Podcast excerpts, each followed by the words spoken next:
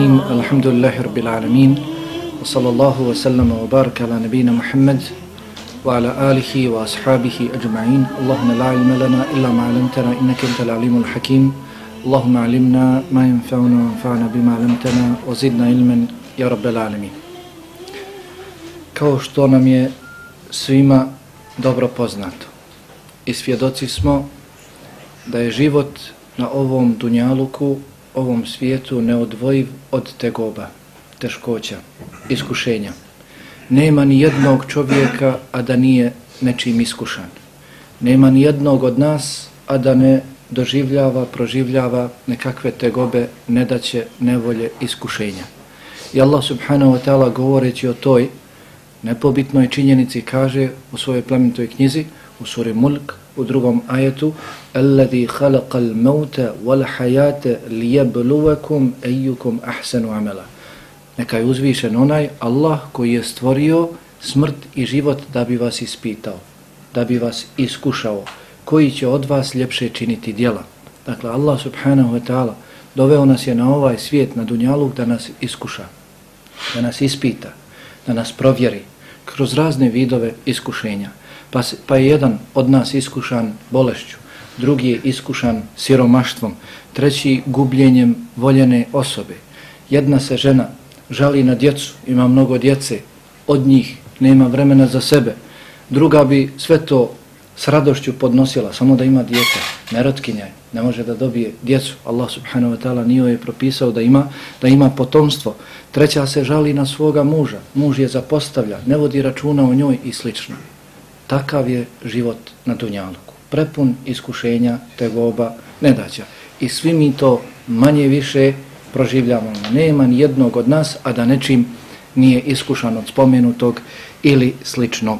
Stoga večeras uputio bih sebi i vama nekoliko savjeta vezanih dakle za ova iskušenja. Kako da ih na ispravan način shvatimo, razumijemo i od njima ostanemo poustajani u njima ostanemo postojani, ispravno se ponesemo kako bi Allah subhanahu wa ta'ala bio s nama zadovoljan i u tim i u tim iskušenjima. Pa bih molio vas da koliko ste u mogućnosti obratite, obratite pažnju.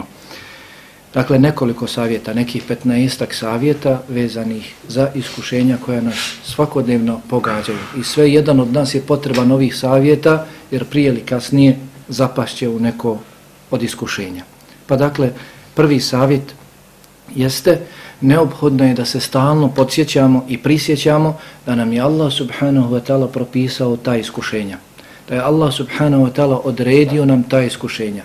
Da je Allah subhanahu wa ta'ala odabrao nas za ta iskušenja i ta iskušenja odabrao, odabrao za nas.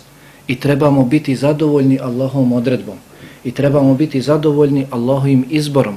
Kao što je on odredio i kao što je zadovoljan da nas pogodi dotično iskušenje i mi trebamo biti zadovoljni Allahom subhanahu wa ta'ala odredbom. Ne smijemo se snebivati, negodovati, prigovarati na ono što nas pogodi od iskušenja nedaća, jer nam je to Allah subhanahu wa ta'ala odredio, dao niko drugi. Kao što kaže Allah subhanahu wa ta'ala ma asabe min musibetin fil ardi wala fi anfusikum illa fi kitab. Illa fi kitabin min qabli an nabra'aha inna zalika 'ala Allah yasir. Doista ne, pod, ne pogodi vas ni jedno iskušenje. Vas ili da se desi bilo koje iskušenje, bilo koja nevolja, nedaća na zemlji, a da ona već nije zapisana prije nego li se desi. Allah ju je zapisao, Allah je odredio da će se desiti odredio kako stoji jeli, prije 50.000 godina prije nego li je stvorio zemlju i nebesa. Allah subhanahu wa ta'ala je odredio, kao što stoji u hadisu Ibn Abbas radijallahu anhuma, da prvo stvorenje koje je stvorio Allah subhanahu wa ta'ala je bilo pero, kalem, pa je rekao uktub, piši. Pa je pero upitalo, a šta ću to pisati gospodaru? Pa je rekao Allah subhanahu wa ta'ala, piši sudbinu, odredbu svega što će se desiti do sudnjega dana. Piši sve ono što će se desiti do sudnjega dana, od čega su dakle i ta naša iskušenja koja nas pogađaju. Dakle, ta iskušenja dolaze od Allaha i trebamo ih prihvatiti. Kao što je rekao Selman, radi Allahu ta'ala, kada je upitan o vjerovanju u kader, vjerovanju u Allahu odredbu, kako treba vjerovati, šta je to vjerovanje u Allahu odredbu, pa je rekao da vjeruješ da ono što te zadesilo nije te moglo mimo ići. To je vjerovanje u Allahu odredbu. Ono što te pogodilo, što ti Allah odredio, nisi mogao izbjeći. Zato nemoj se snebivati, nemoj negodovati, nemoj govoriti da sam ovo, da sam ono. To te moralo zadesiti. Kaže Alija radijallahu ta'ala. Kada te pogode iskušenja, ukoliko se strpiš, znaj da će se nad tobom sprovesti ono što je Allah odredio. Ali ako se strpiš, bit ćeš nagrađen. Međutim, ako budeš prigovarao, negodovao, srdio se na Allahu odredbu, opet znaj da će se nad tobom sprovesti ono što je Allah odredio. Međutim, bit ćeš griješan. Bićeš griješan. I tako, i tako na tobom se sprovodi ono što je Allah odredio. Jer Allah je odredio i zadovoljan je time i to mora da se sprovede nad nama. Pitanje je nas, kako ćemo se mi postaviti u tim situacijama? Hoćemo li biti zadovoljni pa da i Allah bude zadovoljan s nama ili ćemo se rasrditi pa da i Allah subhanahu wa ta'ala bude srdit na nas. Zato kada nam se dogodi neka nedaća, pogodi nas neko iskušenje, znajmo da nas ono nije moglo mimo ići, zato prihvatimo ga ispravno, jeli sa znanjem, sa zadovoljstvom. Zatim drugi savjet. Znajmo da nas Allah subhanahu wa ta'ala stavlja na kušnju nedaću, Allah subhanahu wa ta'ala koji je najmilostiviji prema nama. On nam je propisao to iskušenje. On nam je propisao tu bolest, to siromaštvo, gubljenje voljene osobe i slično. Ne možemo imati potomstvo i slično. Allah subhanahu wa ta'ala propisao nam je to, a on je najmilostiviji prema nama milostiviji je prema nama i od naših majki, kao što je došlo u hadisu, dobro nam poznato onaj hadis, često se citira, kada je jedne prilike Allahom poslaniku alihi salatu sam dovedeno roblje, muškarci, odrasli, dječica, žene i slično, pa su bili poredani u safove i trebala se da se izrekne presuda nad njima, šta će biti sa muškarcima, sa ženama, sa djecom, sa njihovim metkom i ostalo, Pa su čekali tako, a došao je Allahov poslanik alihi salucam i njegovi ashabi i čekajući da se izrekne presuda, jedna od žena izašla je sa svoga mjesta, pomjerila se, izašla iz svoga safa i tražila je nekoga. Nije se uopće osvrtala na govor Allahovog poslanika alihi salatu sam. Šta će biti i s njom, kao i sa ostalima. Pa kada je pronašla onoga koga je dugo tražila, a to je bilo njeno dijete, privila ga je na svoje grudi, i pred svim i muškarcima i ostalima podojila svoje djete. Nije se stidila nikog, ni se interesovala za sebe šta će biti s njom. Pa Allahu poslanik alihi salacom kada je vidio šta radi, pita svoje ashabe šta mislite, da li bi ova žena bacila svoje djete u vatru? Da li bi ova žena koja se ne interesuje za sebe i koja se nikoga ne stidi po pitanju svoga djeteta, da li bi to dijete bacila u vatru, a u mogućnosti je ništa je ne sprečava. Pa su rekli nikada.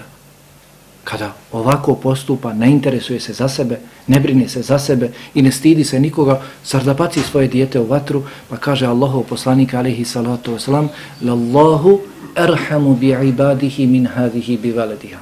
Zasigurno je Allah milostiviji prema svojim robovima, prema ljudima od ove žene prema svome djetetu. Zato kada nam Allah subhanahu wa ta'ala dadne nešto od iskušenja, znajmo da nam, da nam on to daje svoje milosti. Da je u tome zasigurno dobro, dobro za nas.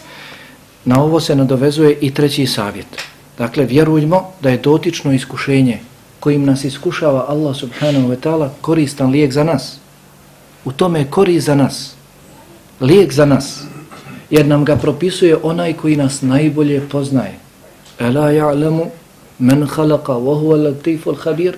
Kako da i ne zna onaj koji nas je stvorio onaj koji je stvorio i koji je najbolje o svemu obaviješten podrobno o svome, o svemu obaviješten propisuje nam taj lijek onaj koji nas najbolje poznaje i onaj koji je najmilostiviji.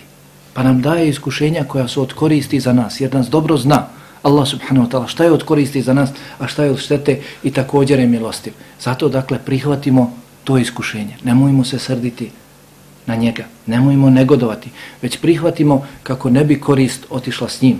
Odbili, bili srditi na to iskušenje, na nedaću koja nas pogodila, pa koristi koje se nalaze, a brojne su koristi koje se nalaze u tom iskušenju otišle od nas. Zatim, vjerujemo da nas iskušenja ne pogađaju kako bi nas uništila. Kako bi umrle. Iskušenja ne dolazi zbog toga. Da unište narode već dolaze da provjere iman kod ljudi. Allah subhanahu wa ta'ala daje nam iskušenja da provjeri naš iman, da provjeri našu vjeru, da provjeri našu iskrenost, da ispita naše strpljenje.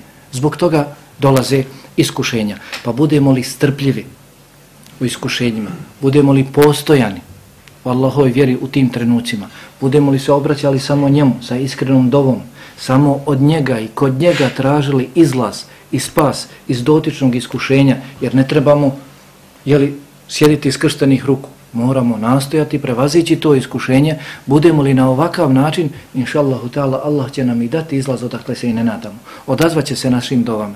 Međutim, budemo li se srdili na Allahu odredbu, negodovali na iskušenje koje nas je pogodilo, posezali za razlozima kako ćemo riješiti to iskušenje kod nekoga drugog, samo će nam se brige iskušenja belaj gomilati jedni, jedni na drugima, zasigurno. Zato peti savjet kada nas pogodi bilo kakvo iskušenje, bilo kakva nedaća i nevolja, obratimo se svome gospodaru sa iskrenom dovom. Nikome drugom. Obratimo se svome gospodaru. On nam je dao to iskušenje, odredio prije 50.000 godina da će se dati nam, da će se dogoditi. I on je milostivi. I on najbolje poznaje naše stanje i zna šta nam treba. Zato se obratimo njemu. On je dao i niko drugi ne može ga podignuti od nas to iskušenje. Pa je suludo i besmisleno da se žališ na svoje stanje nekome ko ne može ti ama baš nimalo koristiti. Žališ se na onoga koji ti može i te kako koristiti. Žališ se na iskušenje koje ti je došlo od Allaha nekome Allahom robu stvorenju koji ti ama baš ne može nimalo koristiti.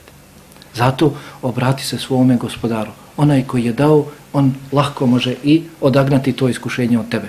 Pa je došlo u Kur'an i Kerimu i u vjerodostinim hadisima brojne dove koje je Allah subhanahu wa ta'ala učinio razlogom, sebebom otklanjanja tegoba, nedaća, nevolja, iskušenja. Ukoliko se i desi. Ukoliko se i desi. Pa jedna od tih dova jeste poznata dova Junusa, alihi salatu wasalam. La ilaha illa ente subhanek inni kuntu mina zalimin. Evo mi svakodnevno se iskušavamo. Nema jednog od nas da ga ne pogađaju iskušenja. Te gobe, nedaće, nevolje, problemi, belaj. Međutim, ko je od nas u tim svojim problemima pribjegao Allahu subhanahu wa ta'ala sa ovom dovom? Ko je u dovi rekao, obratio se la ilaha illa ente subhanek inni kuntu mina zalimin. Doista nema drugog dostojnog istinskog Boga, dostojnog obožavanja od tebe, gospodar. Neka si ti daleko od svake manjkavosti, ja sam sebi učinio nasilje. Ja sam sebi učinio nepravdu. Manjkavost je kod mene, ne kod tebe. Ja se nisam znao ponašati u dotičnoj situaciji. Pa je došlo u hadisu sada Ibn Abi Waqasa radijallahu talan da je rekao Allahu poslanik alihi salatu wasalam dova zun nuna koju je učio kada se nalazio u utrobi ribe. Poznato je da je ove riječi rekao kada ga je kit progutao, kada ga je riba progutala. Dova nuna koju je učio dok se nalazio u utrobi ribe, la ilaha illa ente subhane kinni kuntu mina valimin, doista nijedan rob musliman neće njome tražiti bilo šta od Allaha, normalno, ispravno, a da mu se Allah neće odazvati.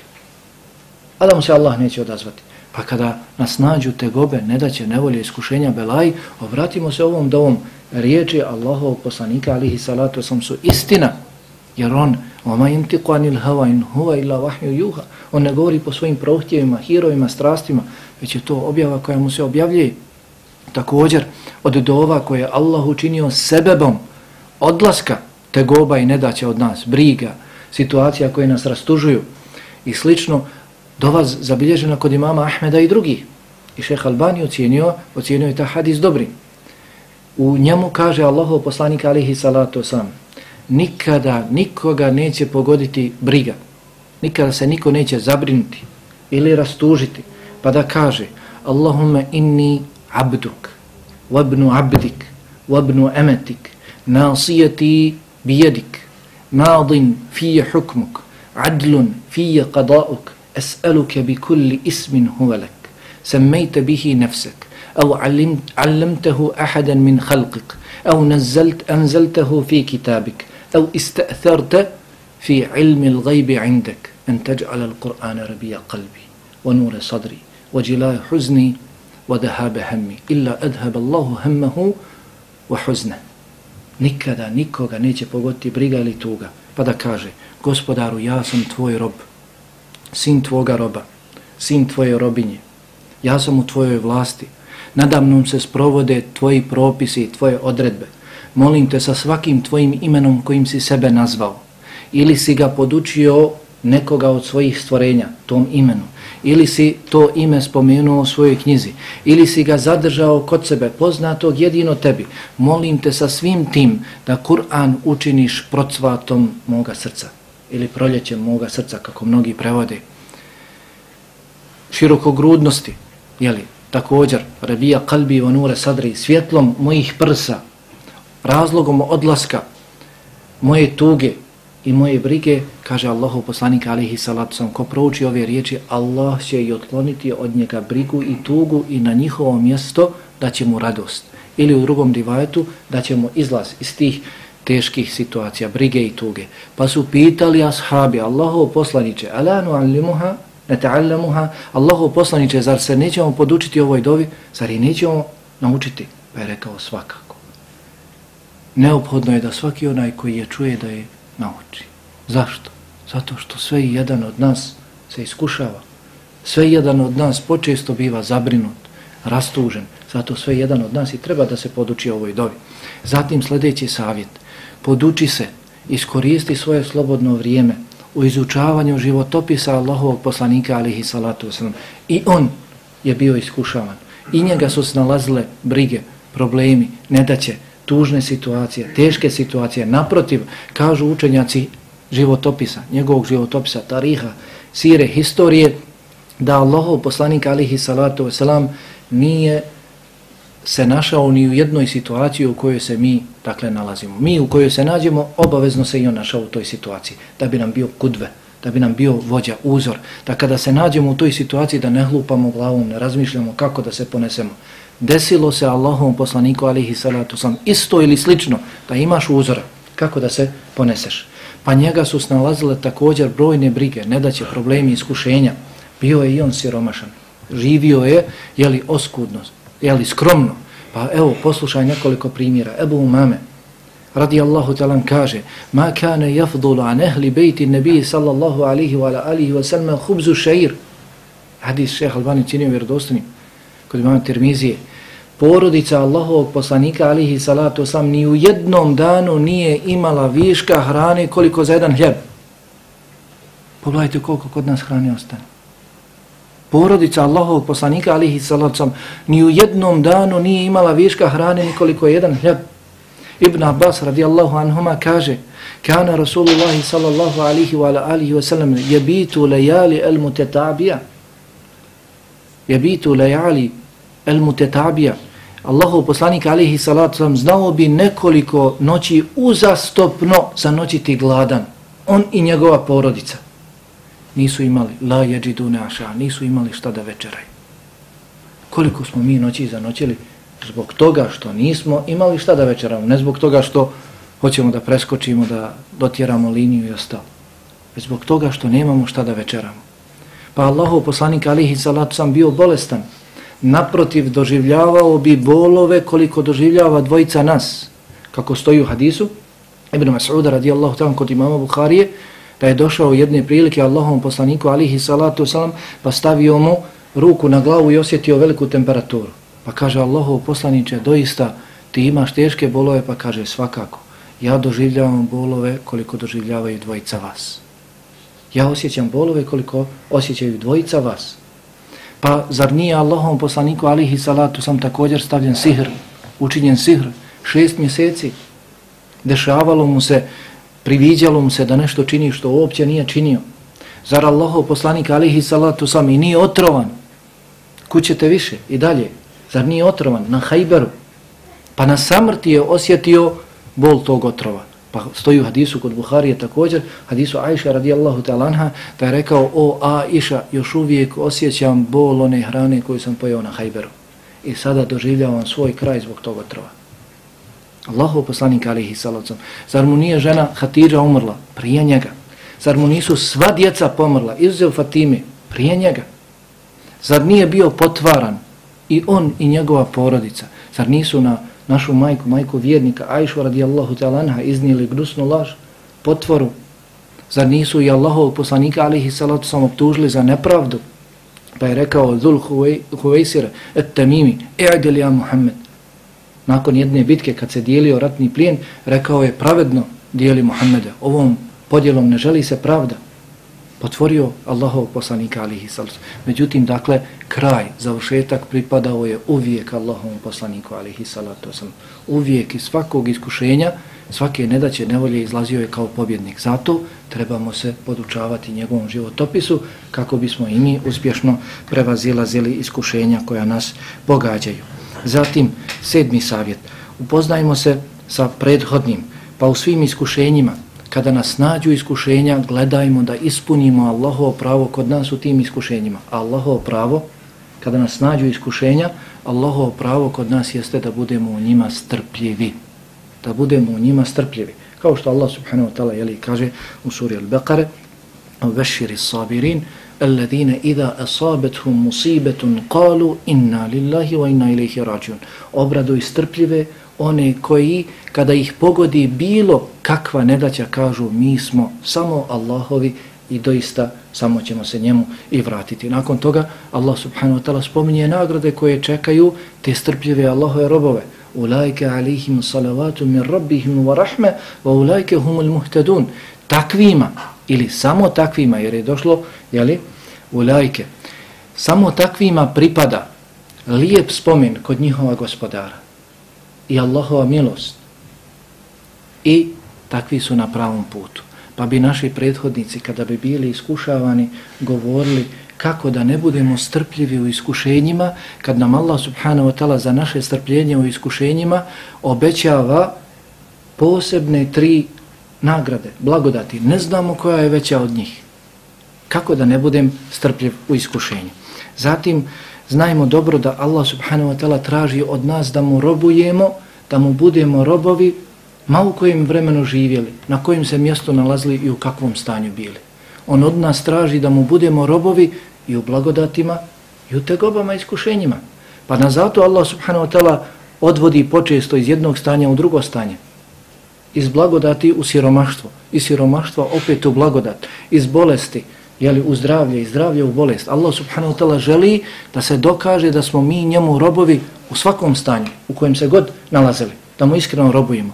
Zato se dobro čuvajmo da ne budemo Allahovi robovi samo onda kada nam je dobro, kada je sve potaman, kada smo sretni, smireni, Allah subhanahu wa ta'ala robujemo. Najmanje iskušenje koje nas pogodi, vraćamo se.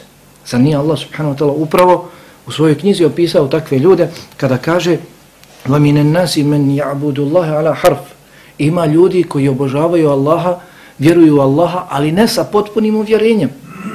Ne dakle potpuno, sa uvjerenjem. فَإِنْ أَصَابَهُ خَيْرٌ إِتْمَأَنَّ بِهِ Kada ga zadesi dobro, kada je u dobru, i on je smiren. وَإِنْ أَصَابَتْهُ فِتْنَ إِنْ قَلَبَ عَلَى وَجْهِهِ A ukoliko ga pogodi neko iskušenje, on se vraća svome prethodnom životu. svom prijašnjem životu. Hasire dunja vol ahire. I na takav način gubi i dunjaluk i ahire. Zalike al husranul mubir. I to je dakle ta jasna očita, očita propast.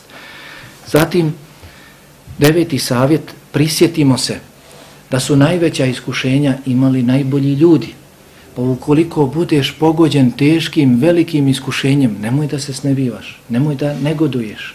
Najveća iskušenja imali su najbolji ljudi, najodabraniji ljudi, vjerovjesnici, poslanici, zatim slični njima, kao što je upitan Allahov poslanik alihi salatu sam, ko se to od ljudi najviše, najteže iskušava, pa je rekao al-anbiya, thumma al-amsalu fal-anthal, vjerovjesnici, zatim oni koji su slični njima, zatim oni koji su slični njima. Zatim je Allahov poslanik alihi salatu sam dodao, rekavši, čovjek se iskušava shodno jačini svoje vjere. Čovjek se stavlja na iskušenja koja su shodna jačini njegove vjere.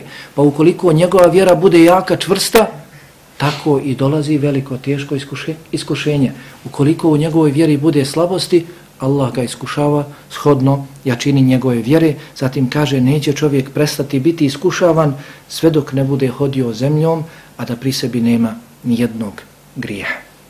Također je rekao Allahov poslanik alihi salatu wasalam, nema ni jednog muslimana da bude uznemiren nekom bolešću ili nečim drugim, a da mu Allah zbog toga neće brisati grijehe tako brzo i tako mnogo kao što lišće spada sa stavlom. Neće ni jedan rob, Allahov rob, pokoran, musliman, biti iskušan bolešću ili nečim drugim, a da mu zbog toga, ukoliko naravno bude strpljiv i zadovoljan time, da mu Allah subhanahu wa ta'ala zbog toga neće brisati grijehe tako brzo i tako mnogo. Pa su naši prethodnici govorili, ko bude iskušavan, taj je na putu vjerovjesnika. Ko bude s pravom iskušavan i ko se u tom iskušenju jeli, bude ponašao strpljivo i zahvalno Allahu subhanahu wa ta'ala, taj je na putu vjerovjesnika. Jer ovaj put do dženneta prekriven je iskušenjima. Zar nije došlo da je džehennem, da je vatra prekrivena strastima, a da je džennet prekriven iskušenjima. Pa se kaže u komentaru ovoga hadisa da ono što najviše odvodi do vatre jesu strasti, a ono što najviše uvodi u džennet jesu iskušenja. Ukoliko se strpljivo na ispravan način ponesemo u njima. Zato deseti savjet. Ne trebamo i ne smijemo negodovati na iskušenja, jeli?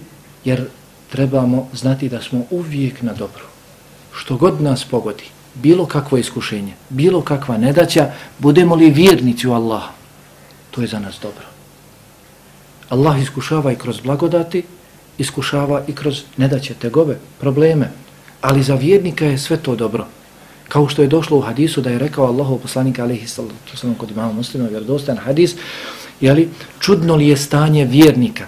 Za njega je svako stanje dobro i to je samo slučaj sa vjernikom. Takav slučaj nije ni sa kim drugim, već samo sa vjernikom. Ako ga snađe kakva blagodat, on je na njoj zahvalan, pa mu u toj blagodati za njega nalazi se dobro u toj blagodati. Ukoliko ga snađe kakav belaj, tegoba nedaća, on se strpi na njoj. Pa mu opet u toj nedaći bude dobro za njega. jel? Također, sljedeći savjet. Ne smijemo plakati, ne smijemo tugovati, iako je to često kod nas, naročito žena, kada snađu belaji, problemi, tegobe, nedaće. Ne smijemo se dakle snebivati i tugovati kada je u svakoj situaciji za nas dobro i moramo biti svjesni ovoga i moramo razmišljati o koristima jeli, tih iskušenja. Šta nam Allah subhanahu wa ta'ala sve daje sa tim iskušenjima, budemo li se na ispravan način ponašali u njima. Pa su došli brojni hadisi koji govore dakle o strpljivom podnošenju iskušenja. Kaže Allah subhanahu kaže Allahu poslanik alihi salatu hadisu nema ni jednog od ljudi da ga pogodi nedaća po pitanju njegovog tijela, dakle zdravlje, da bude iskušan s bolešću, a da Allah subhanahu wa ta'ala ne naredi melekima koji ga čuvaju, da ne naredi melekima pisarima također, kaže pišite mome robu svaki dan i noć ono što je običavao raditi prije bolesti. Dakle, Allah te iskuša bolešću, okupira te nečim, zbog toga ne možeš da činiš ono što si inače činio od ibadeta, dok si bio zdrav, dok si bio sposoban, Allah subhanahu wa ta'ala daje i svoje dobrote, blagodati i milosti, da ti se i u takvom stanju bolesti, zauzetosti, pišu dobra djela koja si činio i ranije. Zatim, znajmo da Allah subhanahu wa ta'ala želi svome robu dobro ukoliko ga iskušava. Zato budemo li svjesni i ubijeđeni ovu, da nam Allah želi dobro, kada nam šalje iskušenje, ne trebamo žaliti, tugovati, plakati, već naprotiv trebamo biti sretni. Jer te Allah voli. Allah te voli kada te iskušava. Allah ti želi dobro. I brojni hadisu došli na ovu temu. Pa kaže Allahov poslanik alihi salatu wasalam, kome Allah želi dobro, stavi ga na iskušenje. U drugom hadisu kaže, doista je nagrada srazmjerna veličini iskušenja. Veličina nagrade ovisi o veličini iskušenja. I kada Allah zavoli jedan narod, obavezno ga iskušava. Pa onaj koji bude zadovoljan, i njime će se biti zadovoljno. Točim onaj koji bude srdit na tu Allahu odredbu, na to iskušenje, i njime će se jeli, biti srdito. Na njega će se biti srdito. Fudail ibn Iyad, rahimehullahu ta'ala, poznati učenjak i pobožnjak, rekao je, doista kao što čovjek voli svojoj porodici dobro. Nema ni jednog u kući, dakle, glava porodice, muž, da ne želi svojoj supruzi i svojoj djeci dobro. Doista kao što svaki čovjek svojoj porodici želi dobro i nastoji maksimalno da im ga doprinese, isto tako Allah voli kušnju svoga roba. Zato ga iskušava. Allah voli kušću svoga roba, zato ga iskušava. Također je rekao Fodajl ibn Jad, neće rob postići suštinu imana, neće rob u potpunosti vjerovati kako treba, sve dok ne ne bude ubrajao blagodati. sve dok probleme, nedaće, nevolje, belaje ne bude smatrao blagodatima, a blagodati nedaćama. I slično je rekao Sufjane Thauri, rahimahullahu tala iz generacije Tabina, poznati učenjak, rekao je doista neće čovjek biti pronicljiv, vjernik neće biti pronicljiv sve dok ne bude iskušenja ubrajao u blagodati. Sve dok ne bude iskušenja ubrajao u blagodati, a blagodati ubrajao u iskušenja i nedaće. Također, od savjeta, kada nas pogode iskušenja, nedaće, nemojmo žaliti se, snebivati, jadikovati. Ma šta nas pogodilo, i to bilo ogromno, veliko, teško, moguće da nas je Allah subhanahu wa ta'ala tim iskušenjem sačuvao od većeg iskušenja. Da nam je poslao nedaću, nevolju, belaj, a iza njega se možda spremao veći. Pa ukoliko strpljivo, zahvalno podnesemo to iskušenje, Allah subhanahu wa ta'ala spriječi dolazak ostalih iskušenja. Zato, dakle, ma šta nas pogodilo, budimo zahvalni i zadovoljni Allahom odredbom. Čuli ste, često se spominje taj primjer čovjeka koji je govorio što god bi mu se desilo, najbolje je u onome što je Allah odredio. Svaki hajr je u onome što je Allah odredio. On je bio ministar, vezir jednog od vladara. Pa jedne prilike sjedio je za hastalom, za sofrom, za gozbom tog svog vladara, kralja. Pa kralj, zauzet pričom sa njima, sa ministrima, svojim vezirima, uzeo je nešto da sjeće i posjekao se po ruci. I ovaj koji je sjedio do njega, dakle taj poznati, rekao je svaki hajr je u onome što je Allah odredio. Pa se ovaj naljuti. Hajr u ovome, vidi šta sam uradio i da da se zatvori u zatvor. Ne trebaš ti meni više kao ministar, promijeni mjesto svoje službe. Ha. Nakon toga kralj, vladar, otišao je u lov i otišao je sam. A onaj kako je došlo od Isu kod Ebu Dauda ko se pretjerano bavi lovom, taj je nemaran, taj je od nemarnih. A ovaj kralj je posebno volio lov. I otišao je sam. I lovio, lovio, išao za ulovom i pređe granice svoje vladavine, teritorije gdje je vladao. I ode u tuđu teritoriju u kojoj su stanovali, boravili mušrici koji su prenosi, prinosili žrtve svojim božanstvima. Pa kada se njega dočepali, rekli su, evo, kurbana kojeg ćemo prinijeti svome božanstvu. Pa su uzeli, skinuli ga od odjeće ga, jeli, oslobodili i položili ga. Kad su trebali da ga prinesu svome božanstvu, jedan od prisutnije je vidio posjekotinu na ruci. Pa je rekao, ne, ovaj ne može da se prinese našom, našem božanstvu. Mi samo svome božanstvu prinosimo potpuno, ono što je potpuno. Kaže, pusti ga. Pa je tada shvatio ovaj vladar. Pa doista je svaki hajr u onom što je Allah odredio. Pa se vratio i kaže, pustite mi vezira ministra iz zatvora. I dovedite ga. Kada je došao, kaže, sada sam shvatio da je doista svaki hajr onome što je Allah odredio. I kaže, svjestan sam toga, ali pojasni mi, svaki hajr je onome što je Allah podario, ali pojasni mi koji je to hajr u tome što se ti našao u ćeli, u zatvor. Kada kažeš da u svemu što je Allah dao je hajr, Dobro, koji je hajr sada što si ti bio u zatvoru? U čemu je hajr za tebe u tome? Kaže vladaru, ko je uobičavao s tobom ići u lovu? Ranije kada si išao, ko je to išao s tobom? Kaže ti. Pa kaže da sam ja bio s tobom, onda bih ja bio kurban mjesto tebe. Onda bih ja bio kurban mjesto tebe. Zato svaki hajr je onome što je Allah odredio. Također spominje se da jedan od vojskovođa Ibnu Zijada, pao s krova kuće i polomio obje noge. Polomio obje noge, a bio pobožan čovjek. Pa je došao jedan od velikih učenjaka, Ebu Kilabe, rahimahullah, htjela da ga posjeti. I rekao mu, hajr ako Bog da. Hajr ako Bog da u tome što ti Allah dao. Kaže, kakav je o Ebu Kilabe hajr u tome što sam polomio obje noge. Zar može u tome da bude hajr? Kaže, možda te Allah sačuvao većeg zla. I naš narod, ili kad se nešto desi i kaže sva nesreća, svo zlo bilo u tome, tako, ostalo je to kod našeg naroda, svo zlo bilo u tome, ma šta god se desilo, jer zna da ima veće od toga, da se može desiti.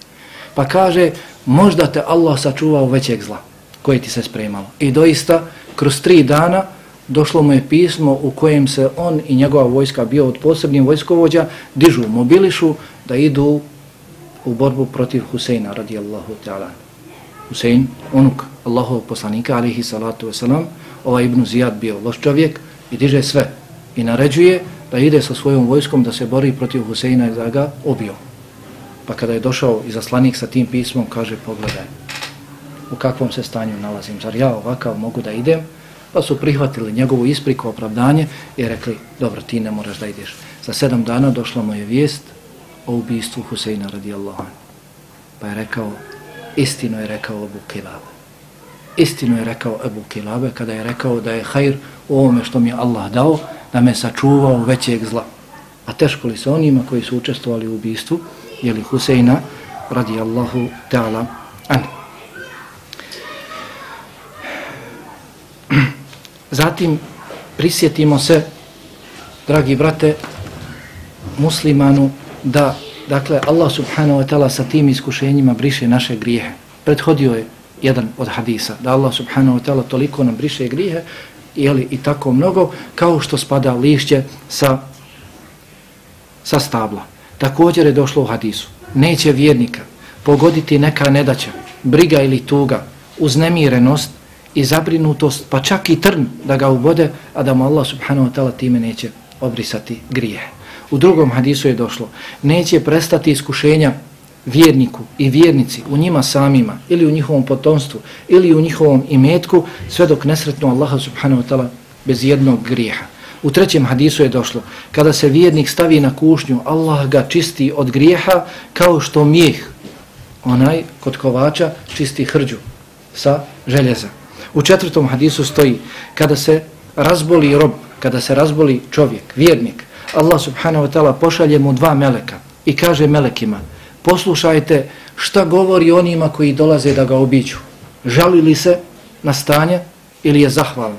Pa kaže se, zahvali se Allahu subhanahu wa ta'ala i pohvali Allaha subhanahu wa ta'ala onako kako samo njemu dolikuje kada ga ljudi upitaju za njegovo stanje, za zdravlje pa se takvo stanje diže do Allaha subhanahu wa ta'ala, a Allah najbolje poznaje njegovo stanje.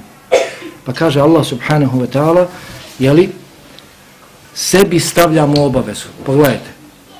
Allah subhanahu wa ta'ala i svoje dobrote kaže, sebi stavljamo obavezu da ovog svog roba, ukoliko usmrtim, da ga uvedem u džennet.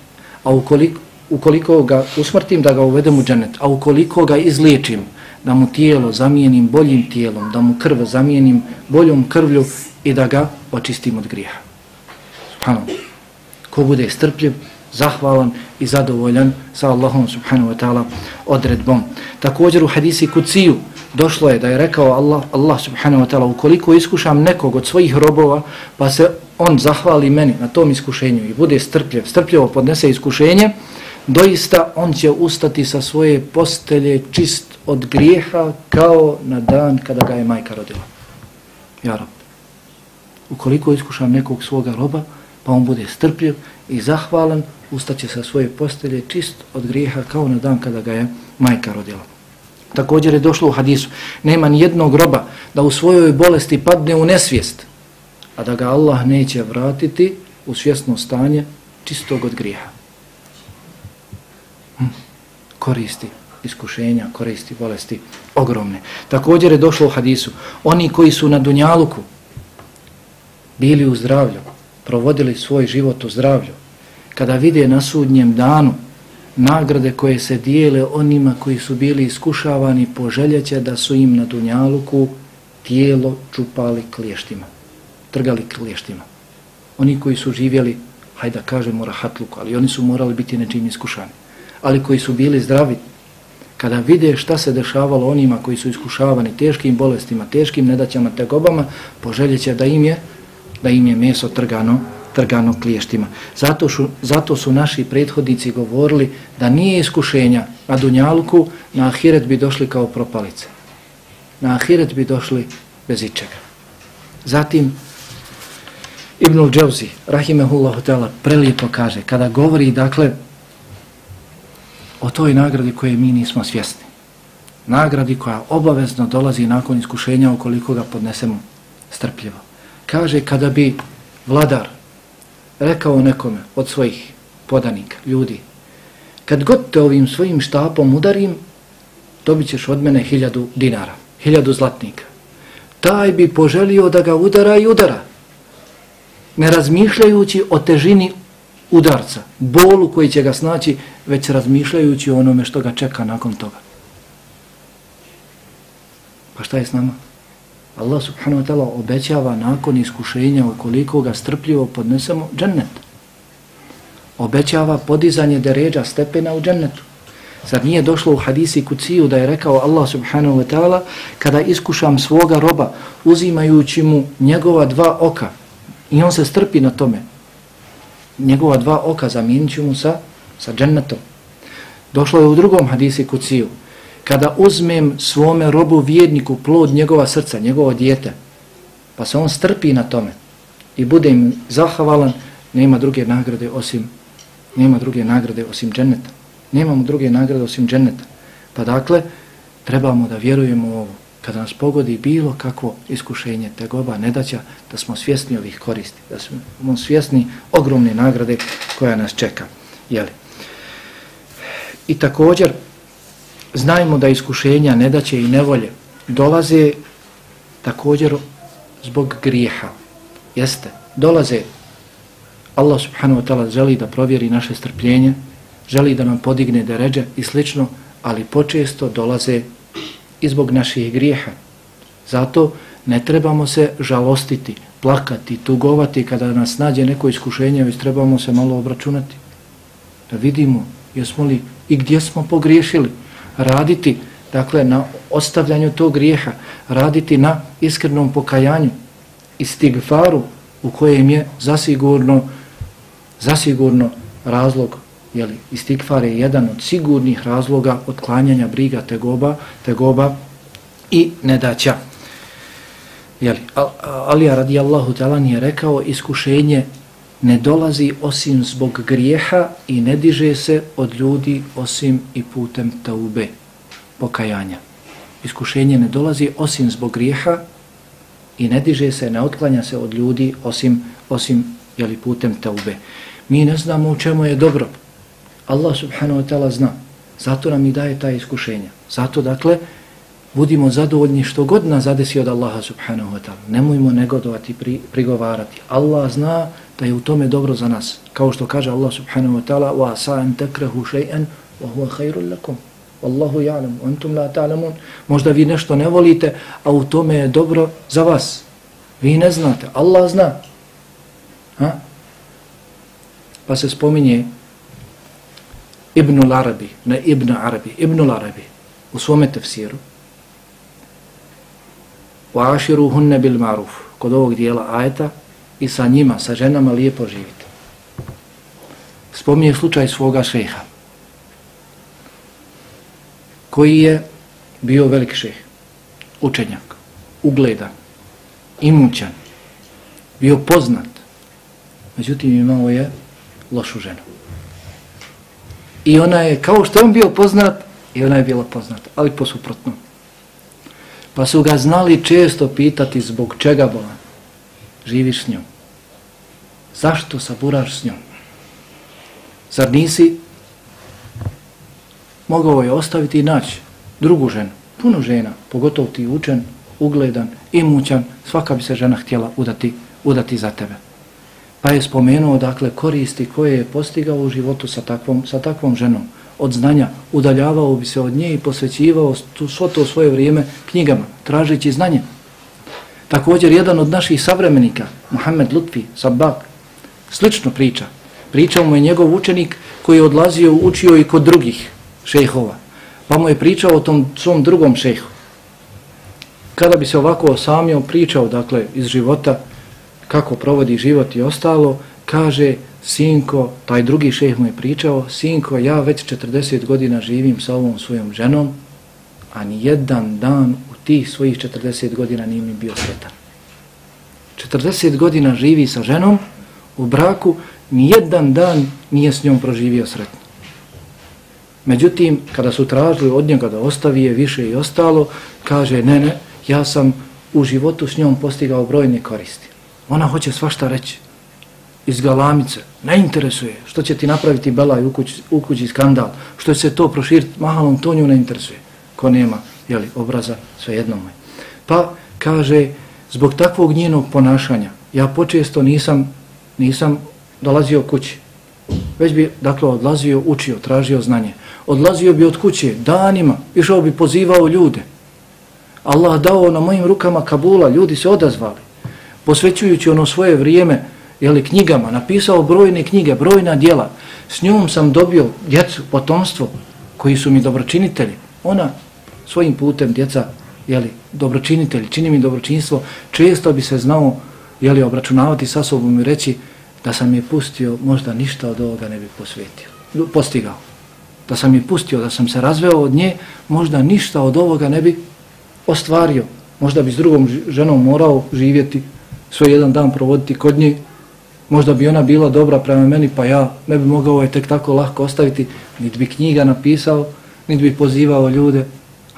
Mi mislimo da je nešto loše po nas, a na kraju ispadne. Allah zna završnicu.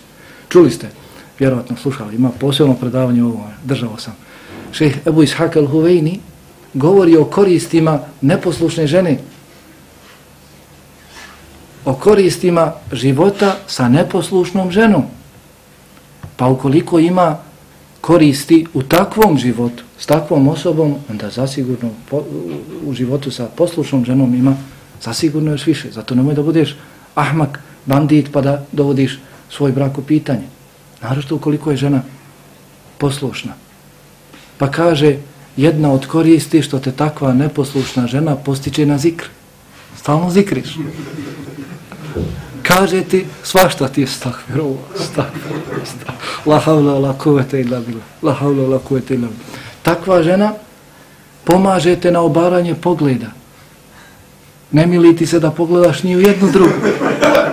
Kad vidiš kakva je ona, sve su one u PDK iste.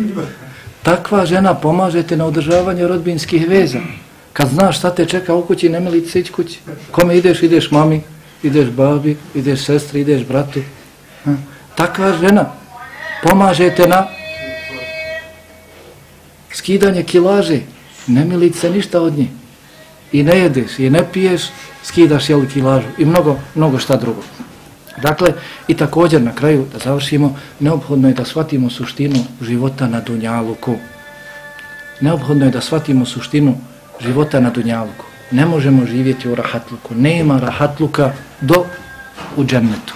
Kada je upitan imam Ahmed Rahimehullahu Teala kada će vjernik osjetiti istinski rahatluk, rekao je kada zakorači u džennet Kada zakorači u džennet. Nema rahatluka na dunjalku. I Allah subhanahu wa ta'ala prejasno o tome govori kada kaže لَقَدْ خَلَقْنَا الْإِنسَانَ فِي كَبَدْ Mi smo čovjeka stvorili da se trudi u prevazilaženju, kako stoji u komentarima ovog ajeta, u prevazilaženju tegoba, nedaća, problema, belaja, oni da svakodnevno jeli, moraju pogađati. I zbog toga smo ga stvorili da prelazi preko svega toga. Neće mu biti rahatluka dok ne kroči u džennet. Pa Allah subhanahu wa ta'ala molim da nas, naše porodice, naše roditelje učini od stanovnika dženneta, da nas učini od njegovih strpljivih, zahvalnih, iskrenih i ustrajnih u njegovoj vjeri, njegovih robova. Subhanakallahu wa bihamdika ashhadu an la ilaha illa anta astaghfiruka wa atubu.